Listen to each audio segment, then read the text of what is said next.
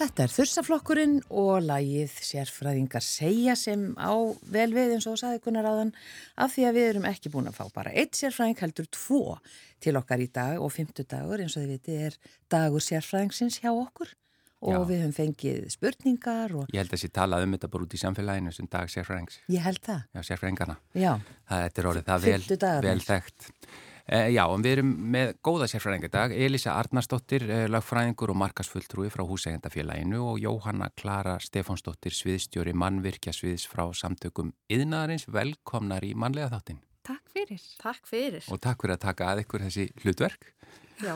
Það er hérna, eh, sko, við byrjum yfirleitt á því bara svona að spjalla við sérfræðingin um uh, sín störf og, og svona hvað bara útskýrið aðeins að þið komuð úr sikkur áttinni mm. ef við byrjum á þér Elisa þú, þú ert að koma frá húsegandafélaginu Já, það er rétt Og, og hva, hver eru þín störf þar? Um, sko við erum svolítið svona búin að stilla þessu upp að vera begja við við borðið Ég, húsegandafélagið er, sér, um, er fyrst og fremst hagsmunafélag húseganda, húseganda mm -hmm. og við erum svolítið að, að hjálpa sérstaklega húsfélagum þegar það er að taka ákvarðanir um stóra framkvæmdir og svona mitt hlutverk í þeim málum er að ég er í svona kynningamálum, er að skipilegja fræðslufundi og hjálpa húsfélagum að skipilegja húsfundi og, og bóða það og, og gæta að því að ákvarðanir eru teknar í samræmi við lögum fjölegnahús. Um, hérna, þetta getur verið auðvitað flókið sérstaklega í stórum húsfélagum. Já, þetta, þetta getur verið tölverst verkefni, sérstaklega fyrir stjórnamenn og það er mjög gott að, að geta leita til einhvers til að fá að staðfest sko, að maður sé að stíga réttu skrefin Já, og standa en, svona já. löglega að þessu eins og á að gera Já, já. en þetta er náttúrulega bara ein hlið peningsins, þú veist, þetta að semja við verktaka mm. og finna tilbóð það er bara allt önnur ella og getur verið erfitt og, og maður veit einhvern veginn ekki alveg hvernig maður á að fóta sig ef maður hefur ekki reynslu í þessu málum Já. og maður einhvern veginn hefur aldrei tækifæri til að öðlast reynsla því maður fer kannski ekkit oft í framkvæmdir, stóra framkvæmdir. Og bara til þess að skilja það húsegjandafélagið, það er ekki e, bara sjálfkrafa öll fjölegna hús undir því, það, það þarf að ganga í það, ekki það? Já, já, það þarf sérstaklega að ganga í félagið og ef húsfélag vilja ganga í félagið þá þarf að taka það fyrir á húsfundi og, og við þurfum að fá staðfesta það sem vilja meira hlutans að ganga í félagið. En svo grundvelli félagsæðildur og þessar félagsgjalda þá getum við bóðið upp á mjög sérhefða þekkingu og, og þjónustu á, á bara mjög fínu verði. Mm, lögfræði þjónustu og vona. En hérna Jóhanna, þú ert Já. frá samtökum yðnaðarins, er, er það þá hinum megin við borðið eða? Nei, ég get nú ekki sagt það. Um, samtöku yðnaðarins eru atvinnureikandi samtök um, og við erum með yðnaðin í sinni bara fjölbreyttustu mynd þar undir. Ég starfa á mannvirkjasviði og þar eru fyrirtæki sem eru í byggingar og mannvirkjagerð. Um, við erum meðrunvel alla virðiskeiðina þarna undir inn á þessu sviði þannig að við vinnum þar fyrir fyrirtæki sem eru í hönnun, verkfræðingar og arkitektar. Við vinnum fyrir stóru verktakana og líka fyrir meistarfélagin um, sem eru þetta mikið í þessum viðhalsverkefnum sem við erum að, aðeins að einblina á í dag. Og hlutverk okkar er svolítið að bæta starfsumhverju þessara fyrirtækja og meðal annars þá líka nálgast neytendur um, og reyna að bæta um, samskiptin þar á milli. Þannig höfum við verið að vinna saman og vinna með húsegandafélaginu. Mm. Og þessar framkvæmdi þær hafa náttúrulega aukist gríðarlega bara undan farin tvö ár. Mm, Öll þessi viðhalsverkefni. Já, það er nefnilega svolítið áhugavert að við vorum ekkert að gera við hús. Það er svo, við erum auðvitað svo ung þjóð þannig að það er svo stutt síðan að við fórum að að búa til hann viðhaldsiðna sem er núna til og það eru þetta fyrirtæki sem eru bara sérhæfð í því. Um, þannig að þetta er svolítið svona nýr, nýr hlut af iðnanum og það er alveg ljóst að við þurfum að bæta okkur þar. Við þurfum að bæta okkur eitthvað neytendum og í samskiptum og bara regluverkinu heilt yfir. Já. Það komið auðvitað upp alls konar mál þar sem að kannski kunnin er ekki sáttur eða eitthvað slíkt eh, þá þarf að sækja það og hver ber ábyrðina og þetta getur verið flókin flokna deilur. Já og þetta er auðvitað erfitt ef við verum að tala um heimili fólks og, og, og það er okkar, okkar meistarar um, leggja miklu áherslu á að reyna að bæta þetta og reyna að koma upp svona um, eða koma þekkingunni til neytenda um það hvernig þeir geta kannski komið vekk fyrir svona mál, hvernig þeir geta undibúið verkið þannig að, að, að, að það kom ekki upp ágreiningur um verð eða hvað raunverulega átt að gera í, í tengslu við verkið. Um, þannig að þetta er eitthvað sem við leggjum með ríka áherslu á að koma í lag og, og eru meðal annars sagt, með þessari mistardeilt samtakaðinaðins þar sem að öll mistarafélögin eru um, með heimasíðu sem heitir mistarin.is mm. þar sem við erum að reyna að miðla allir þessari þekkingu og, og svona búa til eigðublöð og annað sem að húsfélögin og aðri sem allar í viðhaldsframkvæmdi geta þó nýtt sér. Já, þannig að undibúningunum skiptir gríðarlega miklu máli. Ég myndi segja að hann væri mhm. algjörlega leikillin að því hvernig verkefnið uh, bæði fyrir á stað og, og, og, og hvernig loka útkoma verður mm. og það er eitthvað sem við, við höfum einmitt rætt í húsægjandafélagi líka um, að, að það er oft þannig að undirbúningurinn er ekki nægilega góður af því að húseigandur veit ekki endilega hvað þeir eiga að spurja, þeir veit ekki endilega hvað þeir sem skiptir máli. Mm -hmm. Undirbúningun skiptir öllu máli og að vera tímali í því, setja sniðið með verktakafn og segja erum við með sameilan skilning á því hvað við erum að fara að leggja á staði? Erum Já. við með sameilan skilning um hvað fellir undir það tilbúð sem ég er með í höndunum? Mm. Að því að til okkar koma um, annars verður ágræningsmál, eh, leitar fólk, um, annars verður ágræningsmál í tengslu við bara verð.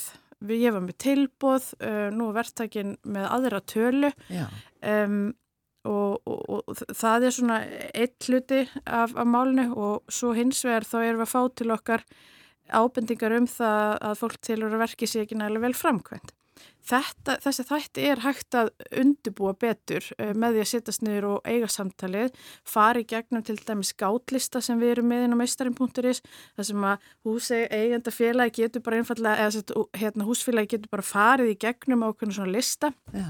og tikka bara í Um, og, og til dæmis bara spurt erum við með aðgerra átlunum tengslu tímalengd verksins, svona einfalda spurningar Þetta bara... eru akkurat sko hluti sem að maður heyrir aftur og aftur um að fólk er kannski óanagt með að, að tíminn tegist alveg endalaust eða erfitt að stóla á það mm -hmm. og einmitt kostnaður mm -hmm. eigst og þá en þið er að, að segja sem sagt hér að bara með almennilegum undirbúningi er koma í veg fyrir svona mál Þa, það er það mörgu leiti Já. og stór hlut af því er, er, og það sem við erum að reyna að hamra á, það er að gera verksamning það er að, að setjast niður og gera svo kallan verksamning og við erum meistarfélaginu okkur eru sett búin að undirbúa verksamninga og þeir eru inn á meistarin.is og bara aðgengilegir fyrir alla mm.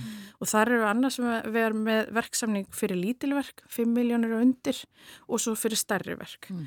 Það sem er líka mikilvægt er að það er líka samkumla um aukaverk af því það er oft þau sem að bætast ofan úr reikningin Já, en kannski eh, svona flest þessara ágræningsmála sem koma inn til ykkar hjá húsíðandafélaginu mm. er snúast þau um að það er útbóð og það er hérna, eða sem sagt tilbóð mm. og eitthvað verk, nei hérna verð segi og síðan hérna hækkar þetta og, og þetta svona fer svona dáliti úr böndunum. Er þetta algengustu umkvörstunarefnin eða? Mm, kannski ekki beint algengustu en þau eru alveg, þau koma alveg oft til okkar en það er sjaldan að við fáum kannski að það sé verið að kvartundan sama verktakunum oft svo að það gefur ákveðna vísbætingu um að menna, fólk er að gera sitt besta og þetta er bara mannlegt svið sem að krefst þess að fólk tala saman. Og um, það líka bara þetta með að fólk veit kannski ekki hvernig það er að fóta sig í að koma samskiptunum í réttan farveg. Veist, hvernig á að tala við hverjum á að beina svo að og á húsfélagi standa saman að þessu eða ekki. Og það fer bara oft eftir miklu og þá þarf bara svona að skoða hvað hefur gerst og hvað hefur ekki gerst En þú, þú segir Elisa að því að, að það kannski kom ekki marg, margar kvartanir að sama aðila, þá verktaka eða einhverjum slíku eða eðinaðar mm. aðila. Eh, er þá sko, eh, ég meina, er aðhaldið það gott að það í rauninni kemst engin upp með að, að fá aftur og aftur einhverja kvartanir ef mm. það er eitthvað í rauninni að í, í, hjá fagfólkinu? Nei, nei, sko það er, það, við vitum alveg að það vantar svolítið upp á eftirliti og það er mikill hraði í þessum, þessum geira. En það sem ég er að segja er að fólk er yfirleitt, yfirleitt fara málinn ekkit lengra hjá okkur eins og við höfum, það er ekki mikil dómaframkvæmd um nýbyggingar mm. og, og hérna að því að fólk næra semja og koma stað sammeilari löst og það hérna er ákveði gæðamerki að, að verktakarnir og, og þeir sem eru að stöðla nýbyggingum að þeir laga það svo það er fyrst þegar þeir gera það ekki og hætta að bregðast við að maður fyrir að það klóri sér haustum hvort það þurfa að gera eitthvað meira. Já. en oft er gott að fá aðstóð við þessi við þessi byrjunarskref. Og, og að hýka ekki of lengja því það getur komið til alls konar svona tómlæti sjónamið það er náttúrulega Já, þú meinar ef, bara, ef það er beðið of lengi með það þá getur það, hvað, finnst eða? Já, og líka bara að þessi úrbótaréttur fellur niður og þá hvað að kannski að maður er búin að greiða afsalið og hefur þá ekkit í höndunum og þá þurfi faktist að fara domstólulegina til þess að fá það sem að er rétt. En nú heyrir maður ofta að fara domstólulegina það sé í rauninni það græði engin á því að það endi alltaf sem mikill kostnaði fyrir báða aðila? Algjörlega, algjörlega. Og, og hérna, er, er þá sjaldan sem að það er sótt einhver mál, eh, til dæmis bara frá ykkur, ykkar skjólstæðingum í, í húsegandafélaginu sem er þá íbúða eigendur, er sjaldan sem að, að þau vinna það afgerandi mál að það í rauninni þau fá allt fram sem þau eru að fara fram á? Algjörlega, en eins og segi þá er það, við erum ekkert ofta að sjá það að málun okkar fara áfram, yfirleitt það nást, náðu við að útkljáði áður en þau fara lengra. Já.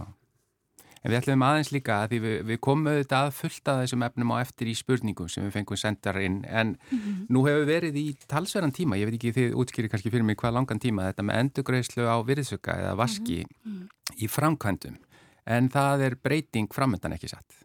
Jú. Jú, það kannski til að líka upplýsa um það, þá er þetta ekki bara endugreisla á virðsökaskatti varandi vinnu manna á staðnum, mm -hmm. þetta er líka endugreisla virðsöka varandi hönnun og eftirlit. Já. og uh, það er líka eitthvað sem að fólk þarf að hafa í huga sem er mögulega að fara í einhverja framkantir ekki endilega núna heldur eftir einhver tíma ja, að þetta er líka fjármaks sem að kemur sér vel að fá endur greitt mm. um, framundan, þetta áttist að falla niður um árumótin um, Já, núna síðustu Já, já. Uh, alþingi svo framlengdi þetta núna þannig að uh, sagt, fyrsta júli þá rennur út endugreisla virðsökarskattsvarandi hönnununa eftirliti mm. og fyrsta september rennur út endugreislan í tengslu við vinnumanna á verkstað. Já. Það er einn spurning komin hérna inn til okkar, skoðan dag, vona að þessi nái eins og ná síðustu stundu, ekki bara að því að hún er akkurat í tengslu við þetta sem við erum að tala um. E, sjö íbúða húsfélag og við fórum í viðhaldi fyrra, söpnuðum í tvö ár og lögðum inn e, auðlarlega með að við stærðar hlutvöld íbúða uh, þetta áörgla að vera aukalega já. en mitt, ég fatt að allt er núna fengum svo endur greitt uh, vaskin út af allir vinna uh, ári síðar selur einn íbúðaregandi og beður um að vaskurinn verði endur greittur til allra íbúðareganda þar sem hann ætti sinn hluta af endur greiðslu vasksins mm. á þessi íbúðaregandi Mm. Rétt á endurgreðslu? Já, ég grípi eða bara hérna þessa spurninga á lofti því að það er önnur sem að snýr að þessu uh, hérna er uh, sem að er, uh, má ég sjá Það er með virðisökaði mitt eftir sölu. Ef, ef einhver aðili selur og, og, og e, hver á rétt þá á endurgreifslinu er það þau sem að kaupa íbúðuna ef að framkvæmdina voru í gangi e, á meðan á sölu stóð? Mm -hmm. eða er það þau sem að e, já, annarkvæmst hvort er að seljendur eða kaupendur? Mm -hmm. Hérna er það náttúrulega bara fyrst og fremst samskiptin aftur sem að skipta miklu máli. Og hvað er samiðum við reynum að leiðbina fólki með að semja um þetta í kaupsamningi. Ef að þú veist það er ekkert það er vita mála að það eru í framkvæmdur eða eru í gangi og að seljandi hafi visslega greitt í framkvæmdini. Mm -hmm. um, en svo eru ákveðin sjónamið, sko, ef það hefur ekki verið samið um þetta, hvort að, eh, að því að húsjóður telst til egnar húsfélagsins og það er svona spurning um það hvernig fjárhæðinar komi inn í húsfélagið og hvernig það er fóru út og þá er spurning sko hvort að þeim hefur verið, að innegnin hefur þegar verið ráðstafir í aðra framkvæmdir, hvort það sé eign húsfélagsins en svo var líka í nýlegu áleti kærunemdarinnar, kærunemd húsamála, að þá var, þá var litið á húsjóðin sem um, bara einhvers konar svona uppgjörsvettvang að, að það væri eðlilegt að endurgreðslan færi til þess sem að greiti fyrir framkvæmdina að því þetta verið að veita endurgreðslu á, á greiðslu. Mm. Þannig er endurgreðsla til húsfélagsins en nú er einn að selja þannig hann vil fá uh, sinn hluta af mm -hmm. með því að allir fái þá einhvern hluta af því. Er það kannski ekki endilega algengt? Á húsfélagi bara eiga þetta eða? Sko það fyrir bara eftir svolítið atvikum. Já. Það þurfti kannski bara að skoða. Jú, ég meina ef það búið að vera satna fyrir framkvæmdinn í tvö ár mm. og það er vita sko að þetta tilheyr einhvern veginn húsjóðu þá er ekkert útiloka að þetta gangi til nýs eiganda. Húsfélagi beinir sér alltaf bara að núverandi eigandum Já. Já. Svo að það er þá seljandi og, og kaupandi sem verða að koma sér saman um þetta. Já, semja um þetta bara þegar sölun söl, er samið um söluna. Já, það Já. er svona eðlilegast í framgangurinn af þessu. Já.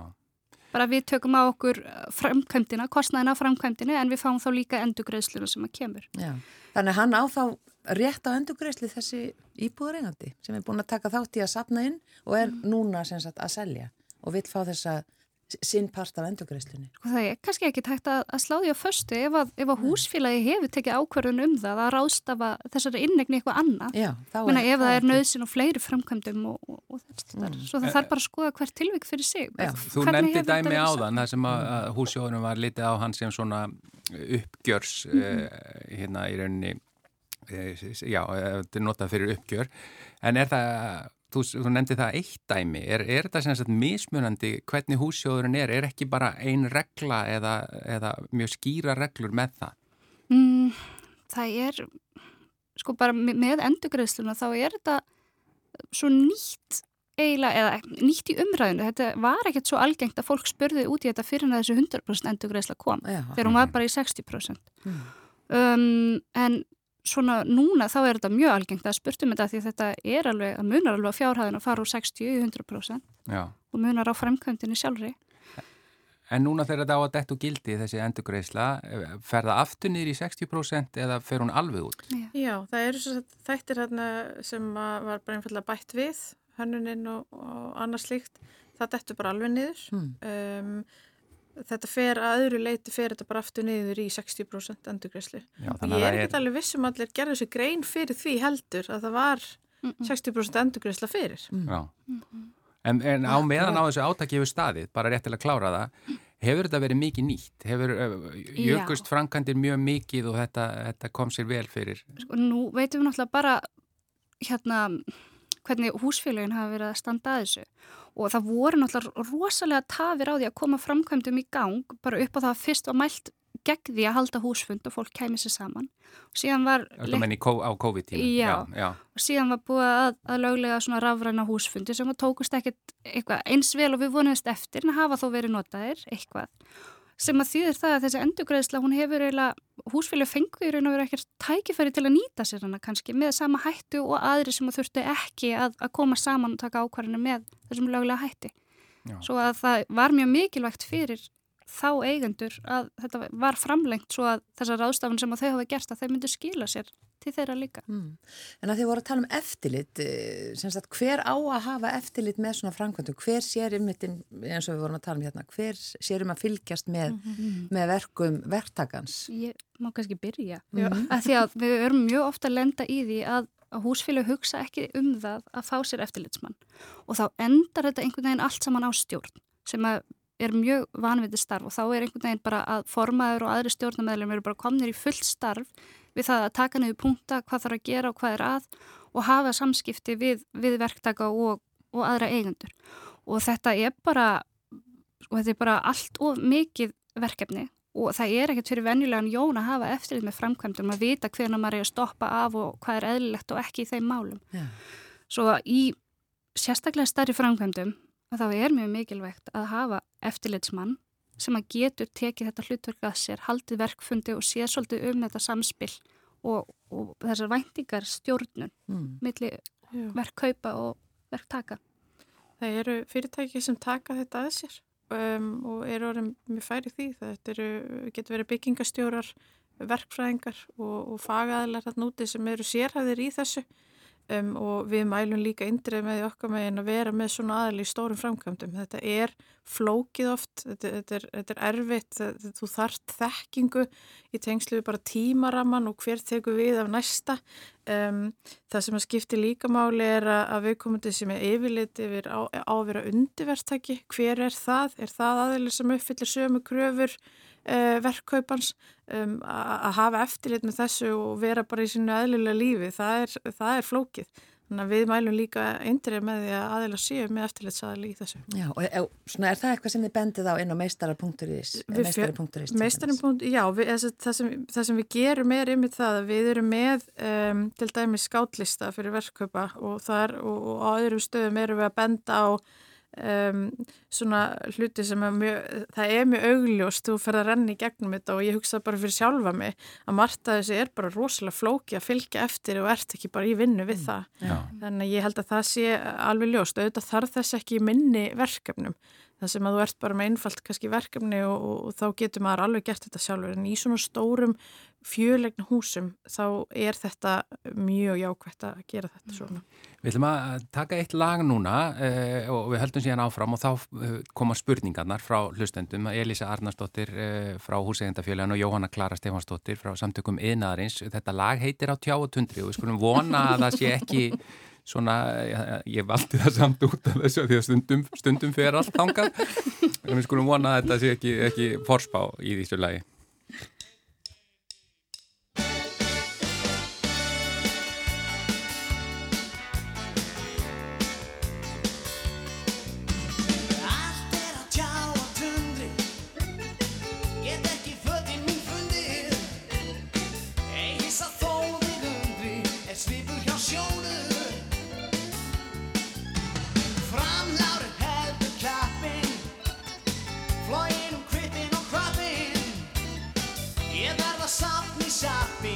昭和表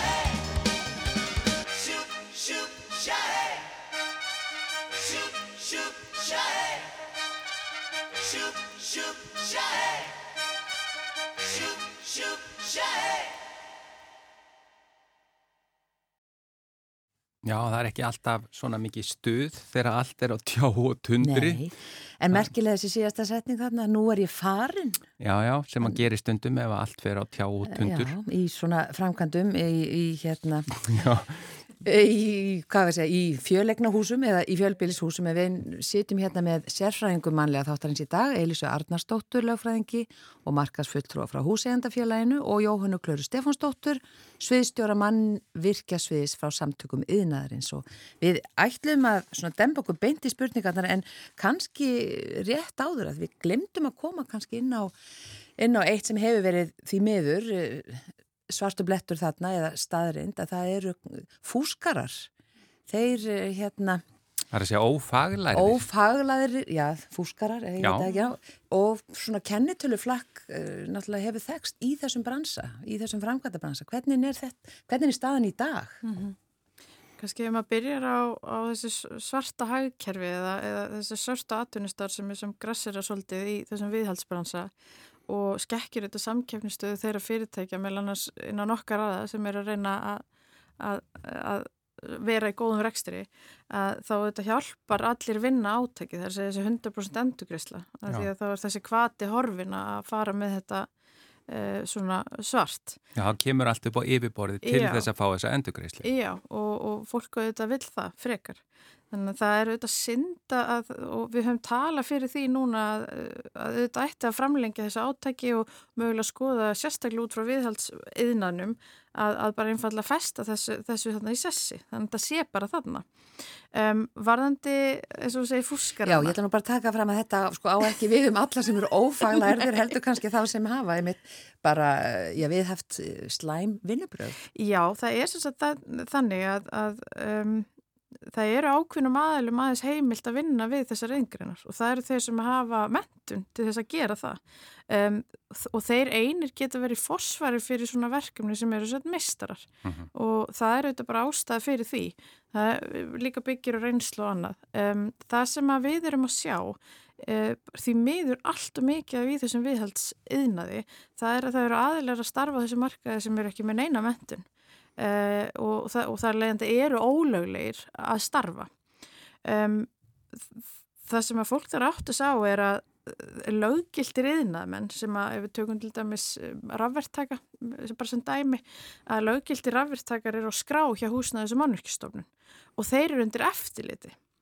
Um, þannig að þú ert þar með yðnamann, þú farð þann til þinn sem er undir eftirliti, það er verið aðtökvort hann sem er gæðastjórnunarkerfi og hann þarf skilin og annars líkt og, og, og sína fram á að hann sé faglegur. En þú getur líka fengið til þinn aðeins sem algjörlega ófærlegarður og hann er ekki undir neina eftirliti. Og það eru rosalega fá úrræði til dæmis fyrir samtöku yðnarins til þess að reyna að koma þessum aðilum uh, bara út af markaði sem eru ekki með reynslu og þekkingu. Og þetta fyrst og fremst einmitt erum við með annars á hérna meistarum.is að við erum að reyna að innfalda þá líka uh, neytendum. Við til dæmis erum með félagatalið okkar þar og þú getur þá í það mennst að fara þanga og fundi fyrirtæki þar sem eru meistar í fórsvari uh, eða farið nú á heimasvíu HMS og reynda að finna þar meistara sem er mentun og má löglega að starfa og við þar viðgerið sem hann er að fara að sinna. Mm. af því að við erum að sjá mjög vond mál koma upp og að því nefndi nú rafverktakana og spurningum eitt, eh, eitt mál núna sem er nýtt er þessi rafbílavæðing og uppsetning á hlæðslistöðum að þar eru við, við höfum áhugir af til að mynda eh, þeim málum núna og það, það séu aðilar hann úti sem eru að setja þetta upp kannski fyrir stór húsfélag mm. sem hafa ekki, eh, megað ekki samkvæmt lögum.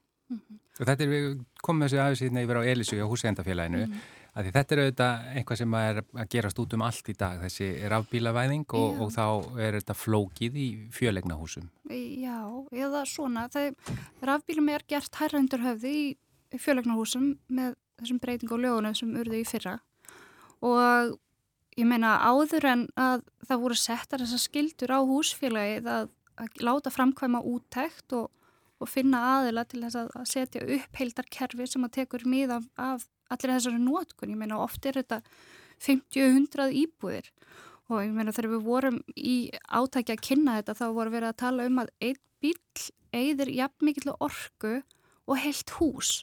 Svo það að þú setur kannski einn heilan bíl á einn tengil þá ertu að setja heilt hús í viðbót á einn tengil Já. og það er bara ofsalega hætta af svoleiðs braski. Já og það eru auðvitað mískilningur hjá mörgum að þó að séu tenglar við hvert stæði þá er ekki þar með sagt að það sé hægt að hlaða Nei. og ég menna strax og eru konum bara 2, 3, 4 rafbílar þá ræður kerfið ekki við það ef það er ekki búið að setja það sérstaklega upp fyrir rafbíla. Nei, einmitt og hérna eins og Jóhanna nefndi við mig, ég hafði ekki gert mig grein fyrir því að það að setja upp svona hlæðslustöð er tilkynningar skild framkvæmt Já.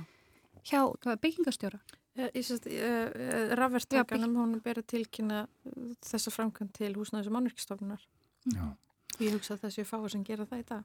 Já. En við skulum vinda okkur núna í spurningana. Já. Eh, þetta var hérna aðeins með fúskið og svo rafbílana, eh, mögulega eitthvað fúsk þar en við vonum að það sé minna að því. En eh, hér er fyrsta spurning sem er einn ein spurning úr fjórbílishúsi varðandi endur nýjan á glukkum. Hvernig er skipting á glukkaframkvæmdum sem sagt á milli íbúðaeiganda og húsfélagsins? Er því mismunandi háttað með almenna glukka og til dæmis þakglukka? Já, nefnir, þetta er mjög algeng spurning og svona auðvöldasta leginn til að skýra þetta er bara miða við glerið. Það sem að glerið og það sem að liggur fyrir innan glerið er á ábyrð húseigandans, íbúðreigandans eða ekki ábyrð á en það tekur kostnæðin af því uh mhm. -huh. og ytri frágangur og vinnan er samheilu kostnæður. Um, yfirleitt gengur þetta tilturlega áfallalust fyrir sig en það eru svolítið skipta skoðanir um vinnuna á glukkaskiptum. Um, sko við viljum meina að að það að húsið sé vind og vasselt sé á ábyrð húsfélagsins. Og það getur haft verulega áhrif ef að gluggi legur niður í næstu íbúð. Svo að, og svo er þetta svona jöfnunar sjónamið sko að, að hérna þú ætti að vera það er svona samtryggingið í vera í fjölegnarhúsi þannig að það að þú búir á efstuhæð og þurfir að fá stillansa til að skipta um glugga eigi ekki að skipta jafn miklu máli þar og ef þú ert í einbíli Já. Þannig að það eigi að vera svona ákveðin jöfnur á milli húseganda. Þannig að við húsegandafélaginu teljum að, að vinnan sé sameilur kostnæður en kærunum húsamála tilur að vinnan sé þessum allar skiptum glerið til dæmis. Já þannig að það er ágreiningur um þetta mál. Já eða bara svona mismöndu tólkur sem hefur ekki verið staðfest fyrir dómi. Já já. En það glukkar, er það öðruvísi með þá? Nei það bara er bara gengur eins langt og það nær. Að, að glerið er þess sem að á rýmið undir. Já, ef það er í sameign. Já, fyrir ekki. Já, ef, ef rýmið er í sameign þá, þá er það bara húsfélagsins en ef það á einhver til dæmis rýmið, geimslu, undir ísið eitthvað svo leiðis þá er það hans að taka glerið og, og innræpirið. Eða efniskostnaðin það er. Mm -hmm. Já, Mm -hmm. Þannig að þið viljið að semst, allur glukkin eða semst, bæði þetta sko, innra og ytra sé hús, húsfélagsins. Já, vinna, vinnan við það. Vinnan við það, já. já. Efniskostnaðurinn skiptist semst, við glerið. Mm, glerið og, og innra er sérregn og, og ytra samegn en vinnan samheileg. Vinnan samheileg, ennmitt. Mm -hmm. uh, hér sem er næsta spurning. Halló, við erum að ráðgera viðhalda húsin okkar sem sagt blokk sem var byggð á 8. áratögnum Nú er farið að ræða framkvæmdaræðila á húsfundum og hvernig er best að velja verktaka í svona verk? Getið bent á verktaka eða er einhver staður á netunum þar sem hægt er að fara í gegnum úrval verktaka? Við erum mm. kannski eiginlega búin að svara þessari. Mm -hmm. Já, ég þetta er ekki hlutlust þannig ég bendi þetta á mínu félagsmenn í þessu vefnum. Já, meistarana. Já, um, en við kannski fá, erum búin að fara eins yfir þetta. Það er Já. undirbúningurinn, nummer 1, 2, 3. Um, það er því meður er ekki til helstaði listar yfir til dæmis mestara. Um, við erum með okkar fyrirtæki, okkar félagsmenn skipt upp eftir landslitum inn á meistaran.is og eftir yðingreinum.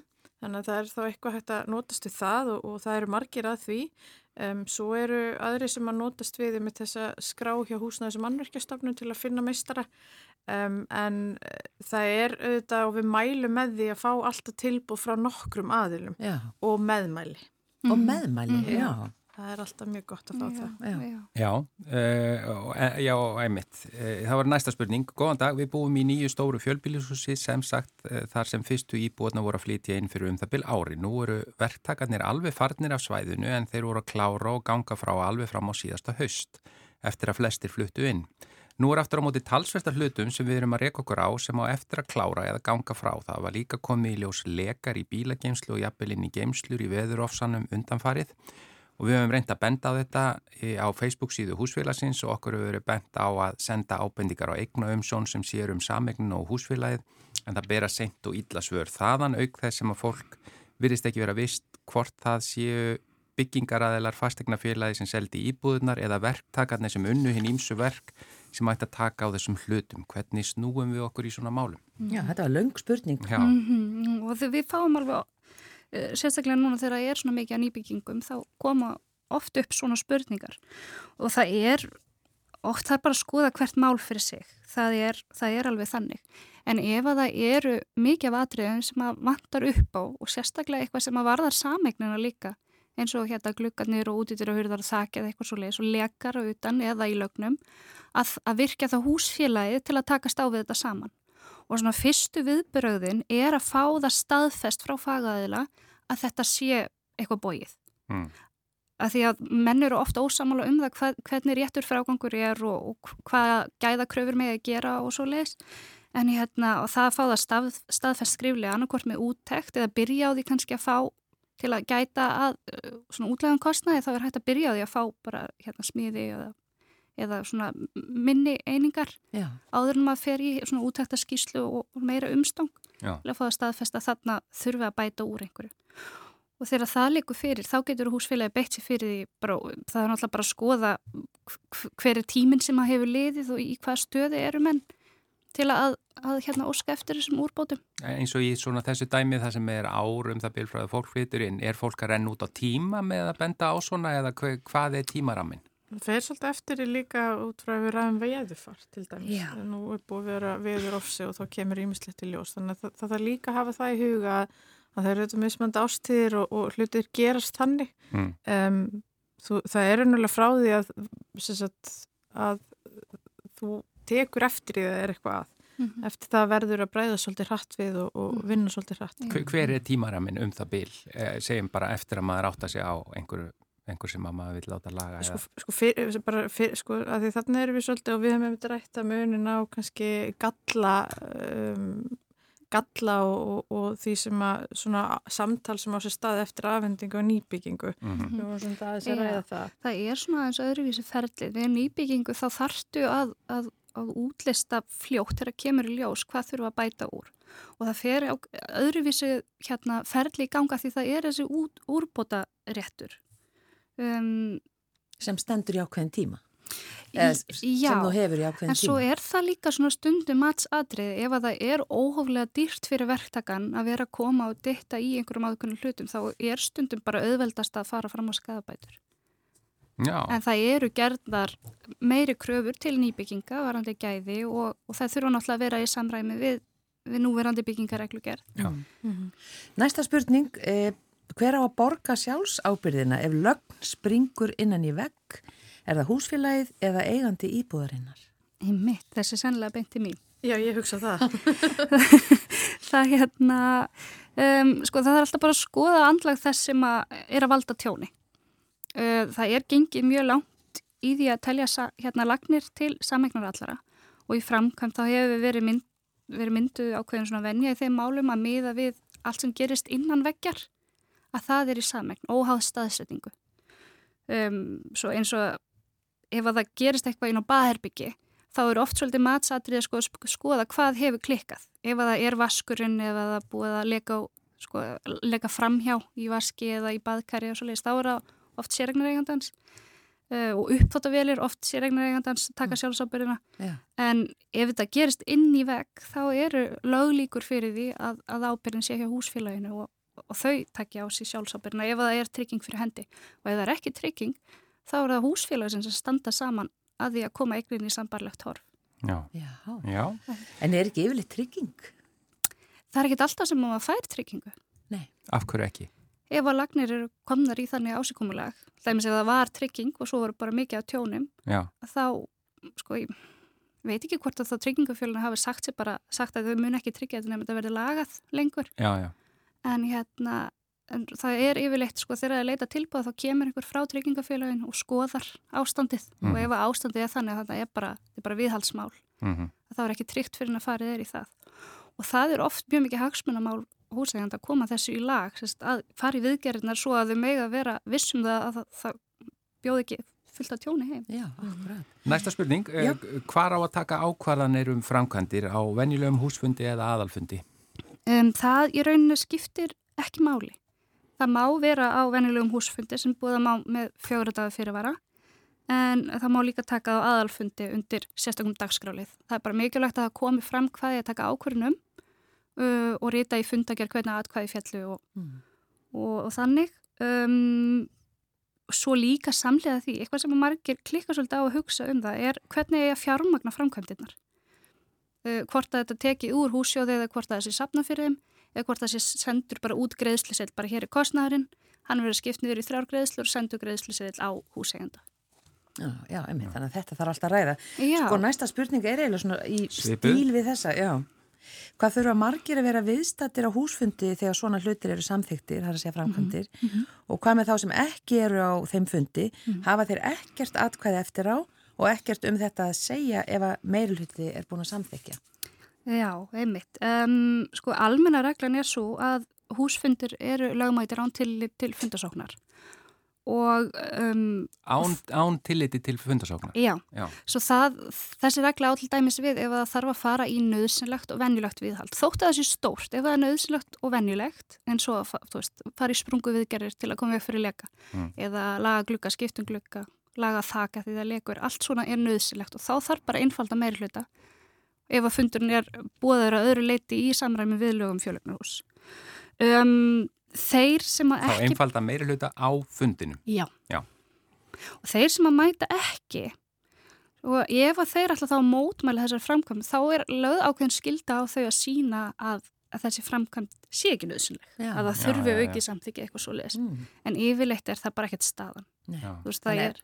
Já, þá er það bara ábyrð líka að mæta á fundina. Já, eða, en getur maður að gefa einhverjum umboð fyrir uh, atkvæði? Já, já algjörlega. Já. Það er ekki nóg sko að senda á stjórn. Ég vil að þetta fari svona. Þú þarfst að láta einhvern fá umbúði til að greiða að hvaða áfundur En svo er önnur næsta spurning En ef það mæti bara einhver einn á húsfundin þá getur hann bara tekið hvaða ákvörðin sem er og, og samþygt og... Ef hann er löglega bóðaður Já, við höfum samt alveg rekist á vandraði í tengslu með það Mm. Það, svo, hefur, það hefur gerst sem sagt. Já, já, já, já, já mjög oft. Já, já, Nei, nei, en hérna eins og hérna, þú veist það stoppar ofta á því sko að ef maður ætlar að fara í eitthvað eitt síns, síns liðs þá þarf maður að eiga fyrir þeim útlegum kostnaði sem kann að koma til. Að því að ég held að þú fáir það er erfitt að komast í bankaviðskipti með bara samþyggi eins eiganda oft þarf samþyggi fleiri til að fá prókuru og það bara, þú veist, það stoppar alltaf því að það er ekkert svona utanumhalda því að þú færði ekki fleiri með þér. Aðeins tengt þessu bara einn, þar sé að mm. næsta spurning er getur maður neita að vera með í framkvæmdum þegar maður býr í fjölbíli? Ekki ef á, ákvarðanir er teknar í samræmi við lögum fjölögnahús. Já, þá bara þá ertu undir það. En það eru ákveðna skildur líka að leggja sér fram við að búa það fólk rétt fundar og og koma því skilmerkilega frá sér að það á að taka ákvörðun um ákveði málumni. Mm. Ef það kemur ekki fram að þið taka ákvörðun um eitthvað, ef þetta er bara kynning eða umræða, já, já. þá má maður almennt ætla að það sé ekki verið að taka neinar miklar ákvarðanir og maður þurfi kannski ekki endilega að mæta ef maður hefur ekki áhuga á. Já, já. Akkurat og svo að... kannski þessi, hvað ef að húsfélagi fæst ekki til að fara í nöðsynlega framkvæmtir? Einmitt, þá hérna, þá er hérna grein, 38. grein fjölegnúsalagana og hún fjallar um það ef að, ef að húsfélag fæst ekki til saminu. En í þeim málu þá þarf maður að, sko, maður þarf að hafa það svolítið svona skjálfest að húsfélagi fæst ekki til saminu áður en að þú getur farið í eigin framkvæmdir. Og það er gerð krafa um að maður hafi ítrekkað reynd uh, í sumu málum þá hefur verið talað um að það hafi verið reynd að bóða til húsfundar allavega tvísvar Já.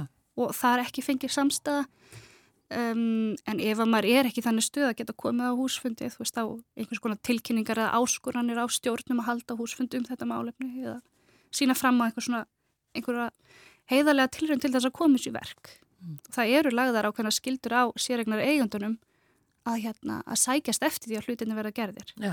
maður getur ekki bara Láta bara beði, nei já, og beði eftir einhver annar bjargimanni Já, akkurat akkurat. Ef við taka hérna eina í lokin, Já, við erum, erum búin að, þú Jóhanna, þú svona eiginlega svaraði því áður en þetta er kannski bara skýrara hér.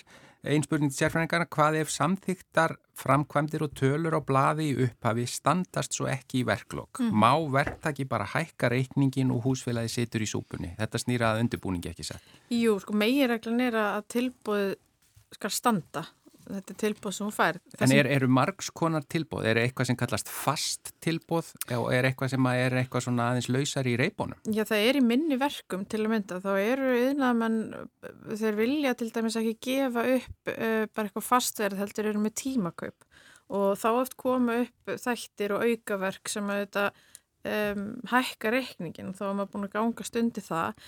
Þetta er enn og aftur samskipti og það sem gerist líka mjög oft og við sjáum er að, að það er óskað eftir að beða um það sem að verðtækinn skilgrinir bara sem uh, aukaverk. Það hefur eitthvað bæst við sem að var ekki í upprunnulega tilbúðinu mm. og þess vegna skiptir það svo miklu máli að setjast niður og fara yfir það með verktakarnum hvað er það sem þú ert að bjóða í? Því að þú far kannski tilbúð frá þremur aðilum mm -hmm. og, og e, eitt er sundilega alveg nýri í örendir og maður sé nákvæmlega hvað að vera að fara að gera. Annað er kannski bara svona opnara.